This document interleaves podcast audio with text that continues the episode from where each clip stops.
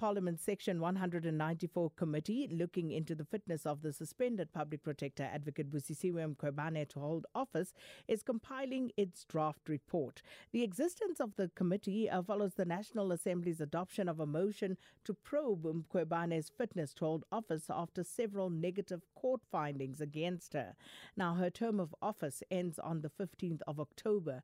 Uh, many times uh, the work of the committee was delayed, including uh, two recusal applications for the chairperson, Qubudilet Ganki, and also court challenges against the parliamentary process. Lulama, good afternoon. So, with regard to the compilation of that report, uh, do we know how far the committee is with that? Well, um, as the package you've just uh, played on Air Sakina is saying, they are expected to meet later this week or next week early to finalize the draft report and then they will hand it over to the suspended uh, public protector advocate Busisiwe Mkhwebane uh, for what they call is um, goes according with the natural rules of justice for her to comment before they take it to the National Assembly for adoption.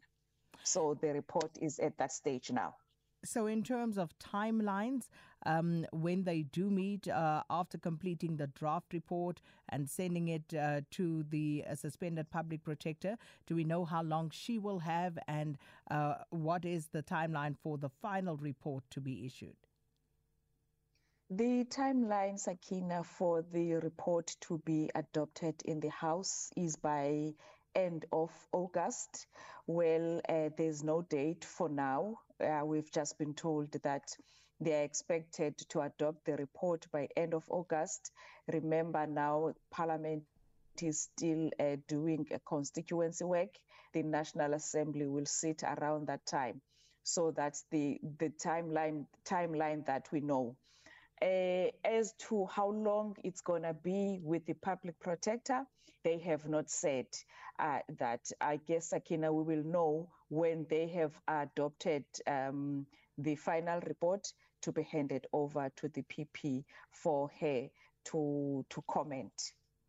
And Lulama, the suspended public protector has been citing a lack of legal representation for some of her absence uh, in this particular process. Uh, well, has she said anything more? Do we know, uh, you know, uh, how she views the process at this point? Personally, Sakina, we haven't uh, well, what we know is what is, the, is, is in the public domain that uh, she cited lack of legal representation following um, the Office of the Public Protector no longer being able to afford to fund um, the legal cost. What we know, Sakina, is that um, when she took the matter to the Constitutional Court, the court ruled that she is allowed to have the legal representation of her choice. So um, that is what now it, it the office cannot afford and that she cannot afford. So and Sakina, I must say that as well. These questions are they keep on being asked, but it's just that no one is getting uh, definite answers because the question has been what will happen when she has not been present at the hearings for a while. What, but the committee is continuing with its work we don't know what will happen thereafter, whether she will be challenging the report or not. And secondly, Sakina, one other issue that we as the media also we have been asking exactly the question we asked about the timelines. The public protector, the suspended public protector for several times has been accused of delaying tactics so the question has been raised as to what will happen if she is given a timeline to respond to the report so that it can be taken to court. What if she delays or misses that deadline that she will be given? What will happen to the report? We haven't uh, got those answers to that. As I say, Sakina, some of these questions we ask, but we not get definite answers. Mm. And, and and very glaring questions at that, uh, Lulama. One would think, uh, for example, the question around legal representation. Uh, if the court said that she is entitled to legal representatives of her choice, and uh, if this has not been afforded to her, you know, how are they explaining, as the Section 194 committee, that particular aspect? Well, Sakina, maybe they are relying on their legal advisors on this matter as well. I guess it will be a question of um, who has the most powerful legal representation when this case is argued, if it will be argued in court. We don't know. But on the side of the committee, they have been saying that um, they are treating this matter, they are trading carefully. This is the first of its kind. This is the first case like this. So uh, they are trying by all means to be fair to the public, pro- to the suspended public protector. And uh, but Sakina, it was a question of that I guess they will proceed even in her absence because the, as the committee they said she can respond uh, she can respond in writing to the questions that um, they gave her.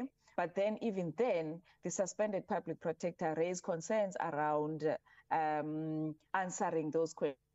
Because at the end of the day, she needs um, assistance legally when she's answering those questions, whether they are, even though they are written questions. But the committee continued with its work. As I say, I guess they consulted with their uh, legal advisors and they would advise that maybe they are on the right track, they must continue.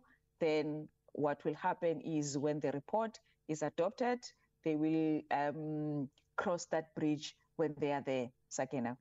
Finally, uh, Lulama, uh, with regard to the process and how it is likely to unfold, so how will the National Assembly proceed after receiving the committee's final report? Do we know what actions or decisions um, uh, are anticipated? And uh, also, has there been any indication, if you know, uh, Lulama, from political parties uh, regarding how they're seeing this matter? Let me start with your last uh, question, Sakina. Political parties on this matter are divided.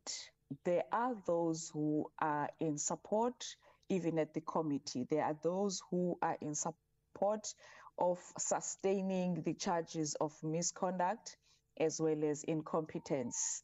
Uh, there are those who feel that um, these the evidence that was uh, is that is before the committee does not uh, warrant impeachment. For instance, Al Jama kept on saying yesterday that um, these um, the evidence that is before the committee does not warrant impeachment.